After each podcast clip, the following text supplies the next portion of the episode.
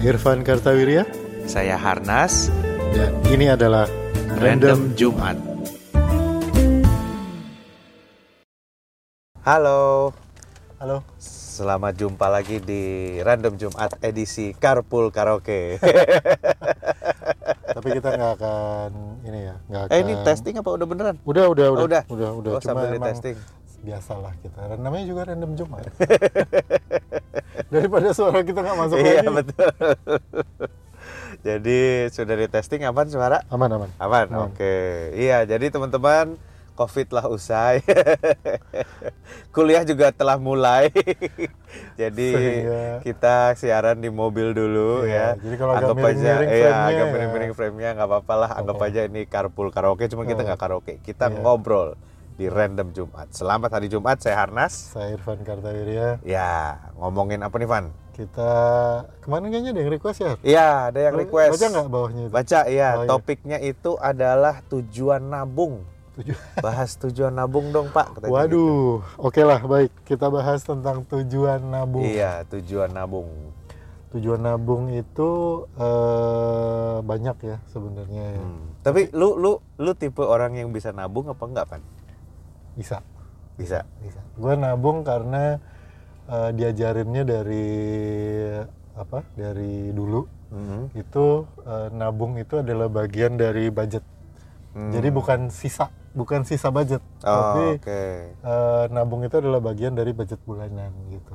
Jadi ada alokasi alokasi belanja, alokasi eh, eh, saving, ada alokasi yang lain gitu untuk satu Hmm. bulan. Jadi nabungnya eh, meskipun nanti kalau misalnya yang belanjanya kurang, yang tabungan itu yang gue pakai. Ah, ya Tapi- iya itu Van. Tapi eh, bisa sih mestinya gitu. Artinya hampir. Lu orangnya hampir bisa gua nabung bisa, berarti ya? Bisa. Bisa. bisa. Kalau gua nggak bisa Van.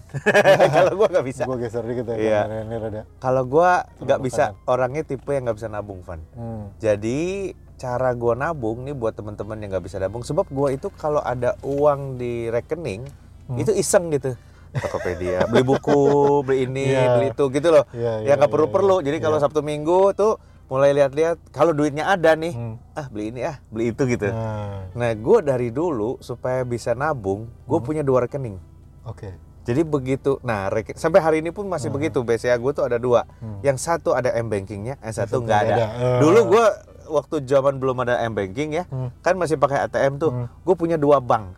Oke, yang satu iya, yang ATM-nya iya. banyak, misalnya BCA. yang yang satu satu Bank UOB Indonesia. Eh, iya, betul, yang betul. yang apa namanya? eh, contohnya UOB ya, gue Iya, pakai UOB.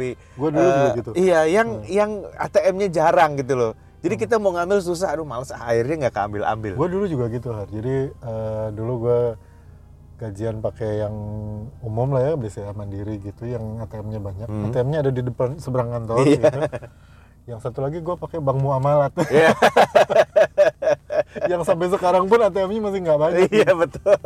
Oke lah bisa ngambil di ATM lain tapi Iya, kita malas mahal ya. lah gitu. Eh, jadi akhirnya nggak diambil-ambil duitnya. ah, benar. Gue sih menabung tuh eh, apa namanya eh, caranya begitu dipisah dulu gue juga masih rekeningnya. gue juga masih kayak gitu kok jadi eh, sampai sekarang eh, tabungan itu ya yang yang yang budget tadi gue bilang kan kan dibajetin sekian persen itu untuk untuk ditabung itu gue transfer ke rekening satunya gitu. Oh. jadi yang ini yang di sini ya habis-habis deh gitu karena Ah. yang yang udah disimpan di yang sana gitu. Oh, Oke oke dan Hmm. Rekening itu adalah biasanya yang satu tabungan, yang satu rekening penghasilan. Iya. Nah, semua penghasilan gue di situ. Ah. Kalau di tengah bulan habis gue cari penghasilan lain. Ada seminar apa nih yang butuh Iya, pembicara iya, kuliner iya. gitu ya, masuk ke situ. Ah. Itu nggak ada yang ditabung, habis semua. Mau seberapa gede itu kan Iya. dapat diamplopin gitu, ah makasih masuk ke Iya, situ. iya. Habis aja itu mah gitu. sama ini Har kalau gue punya eh, tabungan cash jadi maksudnya tabungan cash tuh gini eh di zaman yang semuanya digital sekarang ini gue kayak ini ya kayak kalimat pertama skripsi 70% mahasiswa ekonomi ya Hmm. di zaman serba digital ini skripsi mahasiswa ekonomi kayaknya sekarang 60-70% dimulai dengan kalimat di itu ya. zaman serba digital ini, oke oke oke.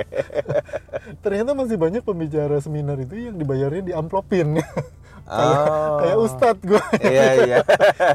pak gitu Iya. kan ya, tanda tangan gitu Iya, kan ya, iya. terus diamplopin kalau enggak ditaruh di goodie bag tuh Iya Gitu, betul. amplopnya di situ Ah rata-rata mah tanda tangan gue lah ya. gue tanda tangan tapi amplopnya ditaruh di Iya, bag iya. gitu. ada ada juga kan yang tanda tangan abis gitu Pak, nanti ditransfer ah, Iya, kan gitu iya. nah si amplop amplop ini itu nggak pernah gue setor ke bank Oh, gua amplop, juga enggak. amplop ini gue taruh di luar lah gitu ya Oh. Artinya di laci apa di tas apa gimana gitu. Dan sering kali lupa. Terus nanti begitu eh, diajakin misalnya diajakin eh, makan siang bareng gitu. Waduh belum ke ATM gitu. Gue buka laci ini ada seminar nasional apa seminar apa? Gue eh lumayan Ah, kalau gua enggak, Van. Uang cash itu sama kayak lu lah. Gua nggak pernah setorin ke bank. Ya, mungkin sekali-sekali tapi jarang lah. gede baru dulu kan setorin. sekarang setor bisa lewat ATM Iya, jadi iya. lumayan. Tapi kalau Iya. dulu kan nggak bisa. Ya udah Iya. ditaruh di itu dan itu gua biasa beli apa ya? Belanja apa? Ke Indomaretnya biasanya nggak beli apa-apa deh. Ah, potato chips gitu. Sepuluh ribu, iya.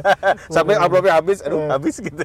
Iya, itu itu eh, apa eh, uang ini ya, apa kayak kayak nemu uang nyelip di sofa gitu iya iya iya kayak nemu uang jendela terus di tas ada gitu ya Eh, iya bisa juga bisa. Dulu zaman tol masih cash gue selalu simpen uang lima puluh ribuan tuh. Hmm. oh iya di sebab eh, rata-rata tol kalau aduh maksudnya dompet ketinggalan Iya. gitu ya di mobil tuh ada gitu.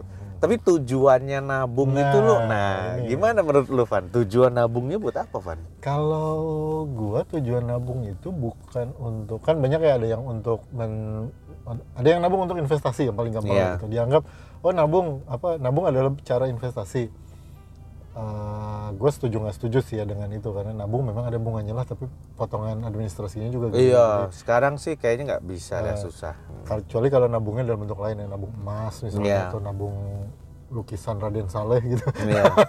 lo baru itu investasi. Ya, itu baru investasi beneran gitu. Nabung jam tangan misalnya ya, ada. gue udah balik pakai jam yang lama. Iya iya gue udah lihat. Seko berarti kita Nah, seko hari ini. seko Eh, ada juga yang tabungan itu tujuannya untuk eh, membeli sesuatu kan misalnya Iya. ah gue mau beli kamera baru nih gue nabung dulu daripada nanti daripada nyicil. Iya. Mendingan gue nabung dulu. Kalau gue lebih ke dana darurat jadi Hmm. kayak eh, tiba-tiba ada apa yang gue perlu gitu tabungan keluar gitu. Jadi bukan untuk aku nabung pengen beli kamera baru gitu atau nabung pengen beli ini pengen umroh misalnya. Udah gue nabung dulu nanti udah dapat segini gue daftar gitu nggak gitu. Kalau itu ya gue merencanakan aja gitu. Itu gue nggak ngit- gue melakukan itu tapi itu tidak dihitung sebagai tabungan kalau menurut gue karena gue tahu ini akan gue spend di satu titik kan. iya. Saya kayak gue mau beli kamera harganya berapa? Segini. Udah gue nabung tiap bulan segini segini segini empat bulan lima bulan kekumpul gue beli gitu. Kan itu mah memang itu delayed spending aja kalau iya delayed spending bukan tabungan Eh, ya. tapi kalau misalnya gue naro naro naro naro naro terus tiba-tiba misalnya eh apalah gitu kayak tiba-tiba genteng rumah nyokap gue bocor gitu Iya. misalnya. Oh, gue perlu beli genteng baru ini, ah, tenang ada. Gitu kayak buat dana darurat lebih kayak gitu. Iya iya. Lebih buat dana-dana darurat yang eh, tidak mengganggu cash flow rutin Iya. gitu. kalau gue tujuan nabung itu sih sebenarnya. Nah kalau gue nggak bisa nanya ke lu karena lu nggak nabung. Gue nabung nabung. Gue orangnya nggak bisa nabung maksudnya. Iya. tapi dengan cara dipisah rekening gitu ya gue juga nabung nah pan gue itu juga tujuannya nabung untuk apa lu misah itu Terga- kalau gue sih tergantung musim hidup istilahnya gitu. tergantung dulu fase waktu kehidupan iya ya. fase kehidupan dulu waktu single nabung itu kayak lu buat emergency hmm. artinya eh kalau ah, gue itu orangnya eh, nggak bisa nggak ada duit van Hmm. Nah, waktu Iya, gue iya, jadi iya. pengusaha ya itu uh, atau usaha sendiri gitu ya itu jadi jadi handicap gitu loh Hmm. sebab uh, waktu kecil kan mungkin keluarga gue nggak nggak nggak terlalu berada amat sih Hmm. gitu ya biasa aja cuman kan buka gue dokter dokter itu kan dapat uang tiap hari ya Iya, tiap iya, kali dia iya. praktek dia dapat uang uangnya iya. taruh di rumah jadi kita tuh setiap ditaruh di satu amplop sama dia uangnya Hmm. jadi i- nyok apa i- ibu gua kalau beli apa apa pakai itu anak-anak Iya, kalau iya. mau beli apa apa juga pakai itu itu tuh selalu ada uang gitu Iya, jadi iya. gua nggak pernah nggak ada duit gitu ya Iya, iya. Eh, dan ketika nggak ada duit misalnya ya contohnya eh, mau gajian 60 juta uang di bank 30 juta gitu berarti kan kurang buat gajian nih ya Hmm. Iya. itu gua bisa bisa panik stres Hmm, gitu loh iya. Van. dan nggak bisa ngerjain apa apa Hmm, Itu tuh buat teman-teman mungkin ada yang punya penyakit yang Iya, sama iya, gitu ya, nggak bisa nggak pegang duit tuh, harus pegang Iya, duit iya, gitu. bener. Makanya uang gua gue pecah-pecah Hmm. gitu. Rekening A bareng bank jarang, rekening yang bank jarang lagi. Hmm. Terus kalau ada uang gue beliin emas. Iya, nah, iya. buat teman-teman gua sangat mempraktekkan nabung emas. Hmm. Nabung emas, emas batangan ya, Iya, bukan iya. bukan Bukan perhiasan. perhiasan, ya, bukan Kenapa perhiasan. perhiasan? Karena gua nggak pakai perhiasan Iya, satu. iya. Terus kedua, gua kan eh, emas itu nilai tertingginya adalah dalam bentuk batangan. Hmm. Kalau 100 gram harga emas berapa ya kali 100. Iya, Udah gitu iya, aja. iya. Oh, dipotong karena ini bentuk giwang bla bla bla. Hmm. Nah, gua nggak nggak ya ngapain gue beli sesuatu yang nilainya turun kan gitu. Iya, iya. Jadi gua emas batangan. Nah, emas Hmm. batangan itu kalau kita bawa ke pegadaian Hmm. eh, langsung cair. Langsung cair, benar. Itu uang cash Hmm. tercepat ya Hmm. dan bunganya juga kan bunga bunga pinjaman pegadaian. Nah, kan emas kita ada di situ gitu Iya, ya. Bunga pinjaman pegadaian itu di bawahnya kartu kredit, Hmm. di bawahnya KTA gitu. Iya, Kalau iya, kita iya. minjem KTA. pakai kartu kredit KTA itu Hmm. bunganya lebih tinggi daripada bunga perga- pegadaian, Iya. tapi lu mesti punya emasnya. Iya, iya. Kalau ada duit tinggal bawa duitnya, nih uangnya lunasin, Lunasin. ambil lagi emasnya gitu. Nah, iya. Jadi itu sebab kalau kita pegang cash kan bisa dibelanjain. Kalau emas batangan kan nggak bisa. Hmm. Tapi kalau ada misalnya, aduh rumah bocor, ya oke, bawa emas ke pegadaian, Iya, kasih keluar iya, duitnya iya, gitu. iya, iya. Jadi gue nabungnya tuh pertama tuh untuk emergency dulu. Hmm. Sekarang eh, itu untuk anak-anak pendidikan, Van. Hmm, Sebab iya, biaya pendidikan kan cukup mahal ya. cukup lumayan. Eh, dan itu kan kita harus planning ke depannya Iya, iya, gitu. iya. Eh, apa namanya pendidikan anak tuh lumayan lumayan mahal biayanya Hmm, gitu. hmm, hmm. Tapi kalau zaman single dulu itu untuk emergency dan Iya. emergency sewaktu-waktu nggak punya kerja itu juga Nah, iya, itu, juga gue Itu selalu tuh. punya tuh. Hmm. Nah, kalau itu eh, gua itu nabung sambil investasi Van. Hmm. Eh, kalau untuk pekerjaan ya, eh, gua waktu itu kan kita pernah cerita juga Hmm. di sini, gue beli ruko Hmm, hmm, gitu. Sebab kalau gua kehilangan pekerjaan, paling nggak rukonya punya gua gitu, gua nggak usah nyewa.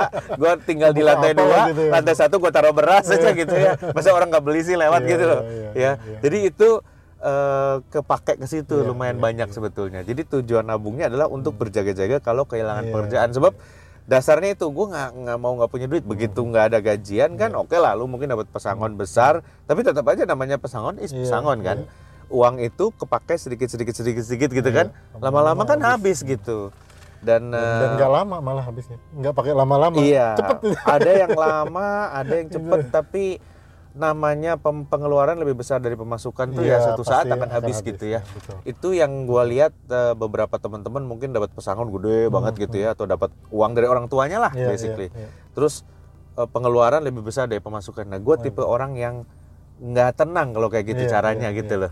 Ada teman gue juga sama begitu. Eh, dia eh, apa namanya berkarir cukup lama. Hmm. terus dia setelah 20 tahun lebih berkarir sebenarnya sayang karena sebentar lagi pensiun ya. Oh. tapi dia aduh gue nggak tahan lagi. Dia resign oke ya. Sebenarnya gajinya kan udah gede. Hmm. tabungannya juga udah banyak. Udah udah ya mungkin berapa belas miliar mah ada gitu ya. Tapi begitu dia berhenti gajian dia panik loh Van. Iya. dia panik loh. Dan panik kepanikan itu membuat keputusannya salah. Hmm. ini ini ini ini salah gitu. Benar, benar. akhirnya habis gitu ya terus ketemu lagi dia bilang aduh gua ini banyak buat keputusan yang salah bermilir-milir habis Hmm. katanya gitu simply karena begitu ngelihat itu uang berkurang berkurang berkurang nggak ada yang nambah Panik loh. meskipun cukup ya Eh, panik, loh itu benar. itu panik loh Benar, benar. itu panik jadi nabung itu salah satunya ya nabung aset gitu kan Iya. nah sama nabung uang gitu Hmm. kalau emas sama aset itu kan nilainya naik ya Iya. nilainya stabil lah kalau emas mungkin nggak naik stabil lah tapi kalau aset kan nilainya uh. Ada yang naik naik. ada yang naik Umumnya gitu naik ya. umumnya naik gitu jadi dulu untuk security kalau sekarang sih rata-rata buat anak sih Hmm.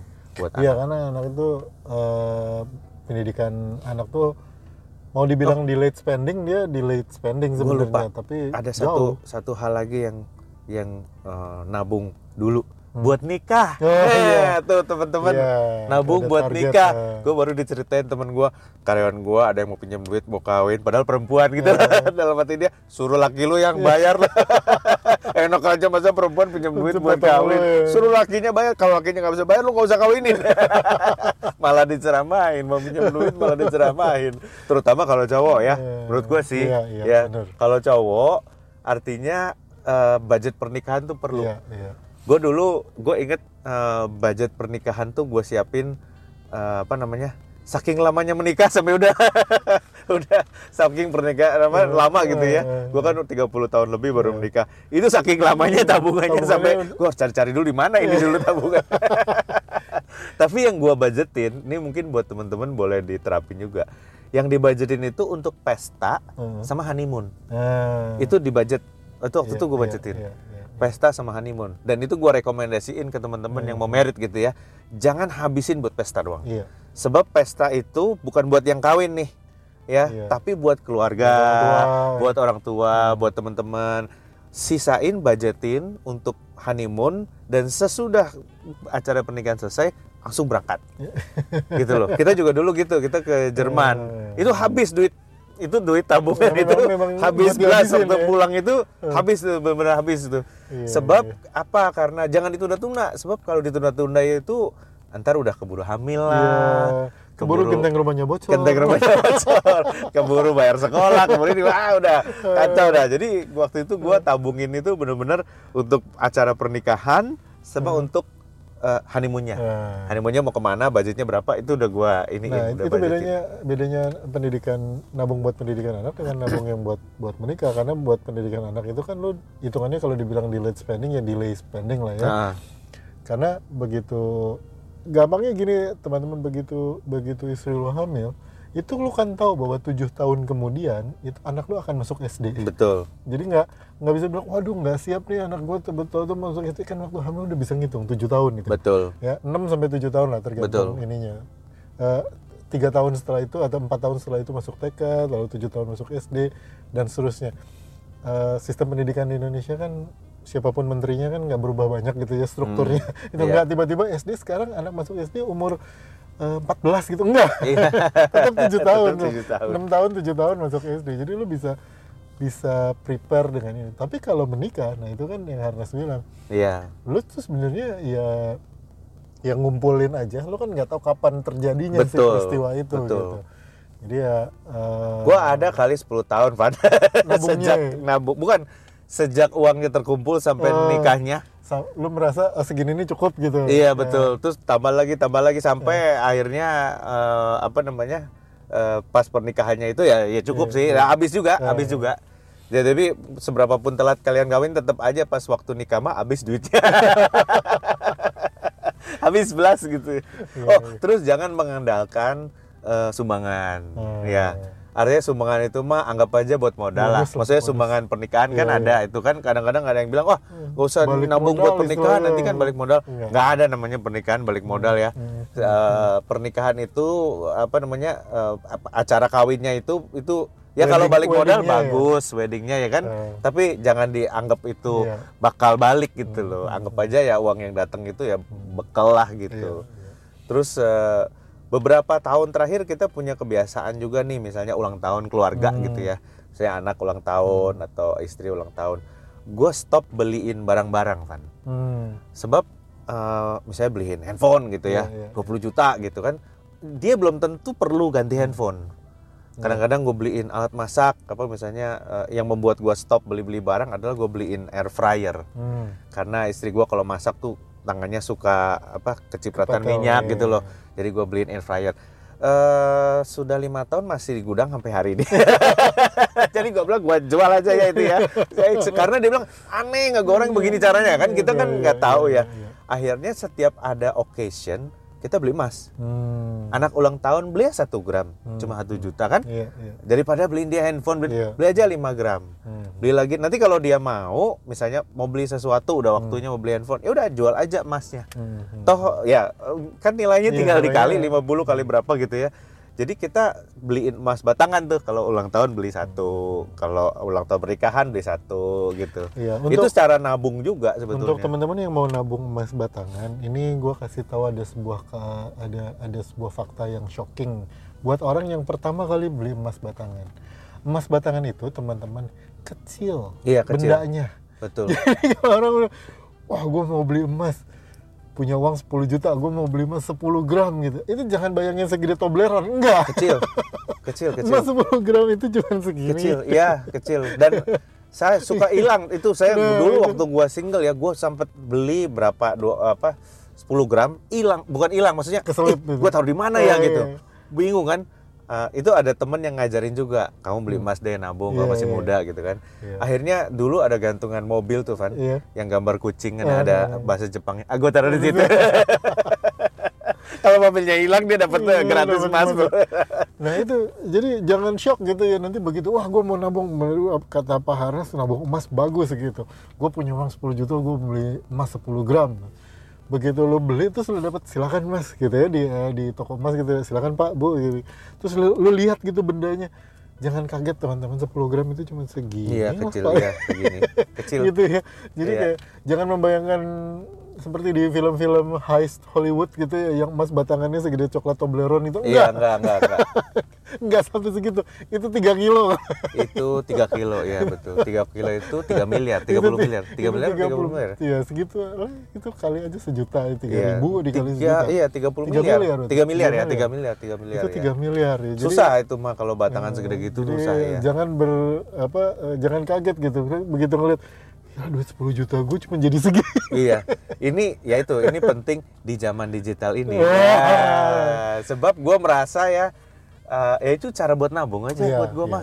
kalau ditaruh di nabung. rekening kan eh, returnnya nggak terlalu banyak zaman sekarang ya. iya, iya. bunga bank tabungan itu kan kecil. Iya. kalau di deposito ya bisa juga sih tapi pertama bunganya kecil kedua eh, kalau lu butuh cepet nggak bisa. Itu problemnya deposito menurut gua ya kalau depositonya per hari udah jelas bunganya hampir nggak ada.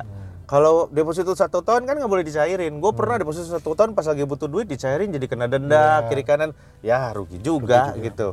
Ya udah makanya jadinya emas batangan tuh nyimpennya gampang Hmm, dan cepet cairnya iya gitu. Cepet cairnya gitu. Bisa digadein, bisa dijual, bisa di eh, ke mana-mana gitu kan. Gitu. Jadi Pegadaian tuh kayak ini ya, kayak furnace ya, kayak tungku gitu ya. Dia bisa mencairkan emas. Iya betul. yang disebut hilirisasi adalah juga dayanya mesti banyak. Masuknya Pencairan padat, emas keluarnya gitu. cair. Masuknya gitu. padat, keluarnya cair gitu. Iya, Jadi apa namanya dan kadang-kadang kan eh, pegadaian itu banyak yang stigmanya masih negatif gitu. Eh, lu suka gade-gadein? Gue sih terus terang hobi gue gade-gadein. Bener.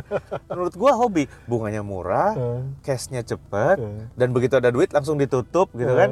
Terus kita kan lupa utang kita berapa gitu Hmm. kan kalau misalnya pakai online gitu. Kalau pakai pegadaian tuh tinggal ya oke jumlah emas gua kan berkurang kan. oh iya. sekian gram ada di situ gitu. Iya. Kalau jatuh tempo ditelepon, eh ini Ah. udah jatuh tempo dibayarin nggak gitu. Hmm. Atau mau dilunasin kan gitu. Jadi kalau buat gue sih nah apa namanya eh, pegadaian itu satu lebih baik menurut gua daripada pinjaman online. Iya. Ya, pinjaman Oh, online pinjaman tuh online itu bahaya. masalahnya nggak kerasa. Iya, Nggak kerasa. bahayanya itu. yang paling sama-sama kartu kredit Kayak ya. easy money gitu ya. Kayak easy money betul, kayak easy Padahal itu money. dalam tanda kutip Apalagi iklannya kan, kita. iklannya kan hebat kan. Oh, ini ada bapak yang perlu uang nih, ayo cairkan segera, jangan Eh, ditahan. gitu. itu dalam kenyataan tidak begitu teman-teman. Dan perlu diingat bahwa itu tuh dalam tanda kutip itu belum uang kita karena kan harus dibalikin duitnya. ah betul. Gitu. Dan ada bunganya. Nah bunganya itu kalau dihitung-hitung jadi gede banget ya eh, karena uangnya kecil. Iya. Pinjam uang itu kalau bunganya gede, eh, uangnya gede, bunganya kecil. kalau uangnya kecil, bunganya gede, udah pasti lah gitu ya. Jadi itu karena eh, kemungkinan 10 yang minjem, 6 yang nggak ngembali itu dihitung sebagai bunga Iya. sama dia. Jadi dia masih untung kalau yang minjem 10, 6 nggak ngembaliin gitu. Eh, ya, jadi eh, bunganya malah jadi banyak gitu kan. Nah, apalagi alternatif tabungan, Van? alternatif tabungan kalau sekarang kan sebenarnya bentuk-bentuk investasi lah ya bentuk-bentuk Hmm. investasi kayak apa reksadana apa yang lain gitu dulu sih sempet dulu sih sempet ada yang menganggap kripto itu tabungan tapi menurut gue mah enggak lah gitu ya Kripto Em, Iya, gua satu, dulu gue sih, yang anggap itu iya, gue gue gua mempelajari juga sih kripto itu ya. Tapi menurut gua satu-satunya kripto yang murni itu, ini teman-teman boleh koreksi kalau salah ya, diskusi aja. Kita mengaco doang ngomongnya Hmm. seperti biasa.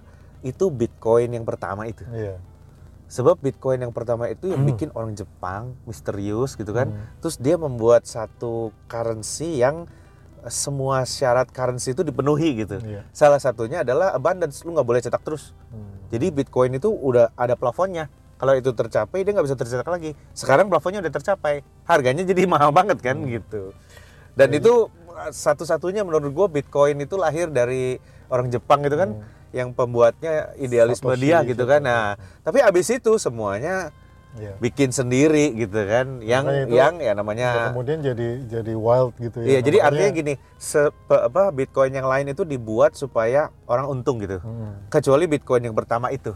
Iya. Si orang Jepang ini memang yang Bitcoin namanya ah, agak-agak dia nggak mau establishment, Iya. dia mau punya currency yang tidak diatur oleh pemerintah gitu-gitu loh. Iya. Semangatnya masih ke situ gitu.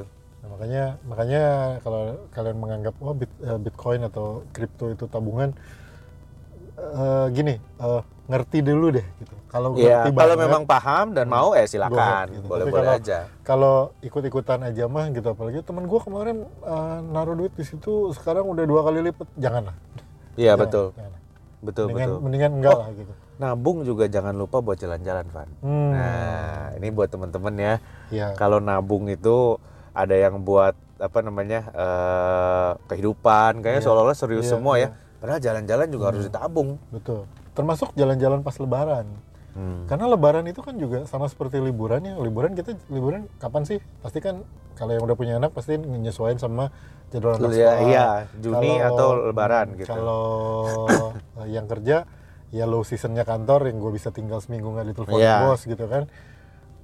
Lebaran itu juga kan predicted gitu ya. Cuma Iya. tiap tahun maju 11 hari. Jadi kalian bisa nebak tuh, tahun depan itu lebarannya kira-kira tanggal berapa tuh udah ketahuan gitu. Iya, betul. Jadi bisa ditabungin buat buat jalan-jalan baik liburan main biasa atau liburan sekalian lebaran itu. gitu. Betul, betul, betul. Hmm. Liburan misalnya mau lihat ke Jep- pengen ke Jepang, Iya, pengen ke Turki Ko- gitu ya. Korea sekarang Nah, Korea, oh Cina juga sekarang Iya. udah mulai buka lagi. Itu boleh ditabung tuh teman-teman sebab Hmm. kayak gituan tuh kan nggak mungkin ketelen dalam satu kali penghasilan ya. Iya. Eh, harus dipecah gitu. Hmm. Eh, jadi eh, nah kalau misalnya gua ada tabungannya tuh Van. Eh, beda Buat rekening. iya beda Buat rekening. iya. ya. yang buat liburan beda rekening. Eh, yang emas-emas itu kan buat Iya. inilah ya pegangan gitu ya. Sama yang buat liburan gue bedain rekening. Karena kalau liburan gua itu bukan sebenarnya bukan liburan sih jadi ini eh, untuk liburan dan imlek Hmm. sebab imlek itu Iya, penghasil apa pengeluarannya besar. Ya, terduga dan sangat besar Kayak lebaran lah kalau di Iya, gua. kayak lebaran gua. betul kayak lebaran kan harus siapin Iya. angpau harus siapin buat orang tua buat ini buat itu buat saudara kan gitu kan dalam satu bulan itu keluar banyak gue pernah kejeblok sekali bro pas lagi cash nggak ada Iya. gitu kan Eh, ya itulah akhirnya kita ke pegadaian kita cairin. Karena kan nanti begitu uangnya datang kita bisa lunasin lagi. Iya, iya, iya. tapi waduh capek juga kalau tiap tahun begitu. Akhirnya eh, ada satu rekening yang betul-betul untuk menghadapi itu. Dan itu Hmm. bisa memanfaatkan bank itu punya cicilan tabungan rutin. Ya, itu itu itu bagus loh itu. Ah, jadi misalnya setiap bulan eh, dipotong Iya, biasanya se- paling di- dikit tiga juta 100 gitu. ribu, ya paling atau kecil seratus ribu, 100 ya. ribu. jadi Jadi misalnya- setiap bulan sejuta gitu ya. Kayak kita kayak nyicil aja tapi itu tabungannya kalau nggak dibayar nggak apa-apa. Bulan Iya. depannya akan dua kali gitu. Iya. tapi dia target. Jadi dalam satu tahun kita pasti nyicil 2 juta kali 12 24 juta gitu. Iya. nanti dia tanya satu tahun mau nabung berapa pak oh misalnya 24 juta ya udah satu bulan dia akan debit Potong 2 dua. juta Betul. potong 2 Iya. juta potong Itu 2 bagus juta. loh itu. itu bagus namanya apa gue lupa Ya, tapi itu ada lah tabungan- ah. tabungan rutin itulah. Ah, ah, dia itu ada Hampir semua bank punya itu. Nah itu yang liburan gue pakai cara itu. Hmm. Jadi kalau pas waktu Imlek cair just gitu kan, Iya, nah iya, itu pakai buat liburan ke mana gitu. Gue pakai cara itu. Ya, Dan jadi itu Harnas banyak ya tadi ya tabungannya ya. Jadi untuk tabungannya nggak banyak, rekening yang banyak, gitu. masing-masing isinya dikit-dikit. Iya. Jadi eh, nama beliau Hari Nazarudin ini untuk eh, Dirjen Pajak. Hari Nazarudin R-nya satu apa dua? Lah, nggak apa-apa cek aja. NPWP kan aman. kecil-kecil tapi banyak. cek aja nggak apa-apa. Jadi Belum tujuan- ma- rekeningnya, makanya rekeningnya kan yang dicek itu adalah rekening gemuk, Van. Ah, bukan Kalau- rekening banyak. Ya, rekening kurus-kurus tapi banyak kalau. Jadi kalau ditanya tabungan banyak, banyak rekening mah. Banyak. tabungannya yang nggak sedikit. Rekeningnya mah banyak.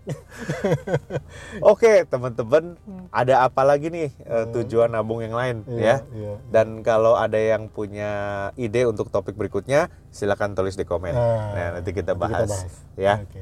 Terima kasih udah dengerin Random Jumat. Ya, jangan- Saya Harnas. Jangan saya Irfan Kalweria, jangan lupa nanti di klik-klik itulah ya, subscribe, Iya.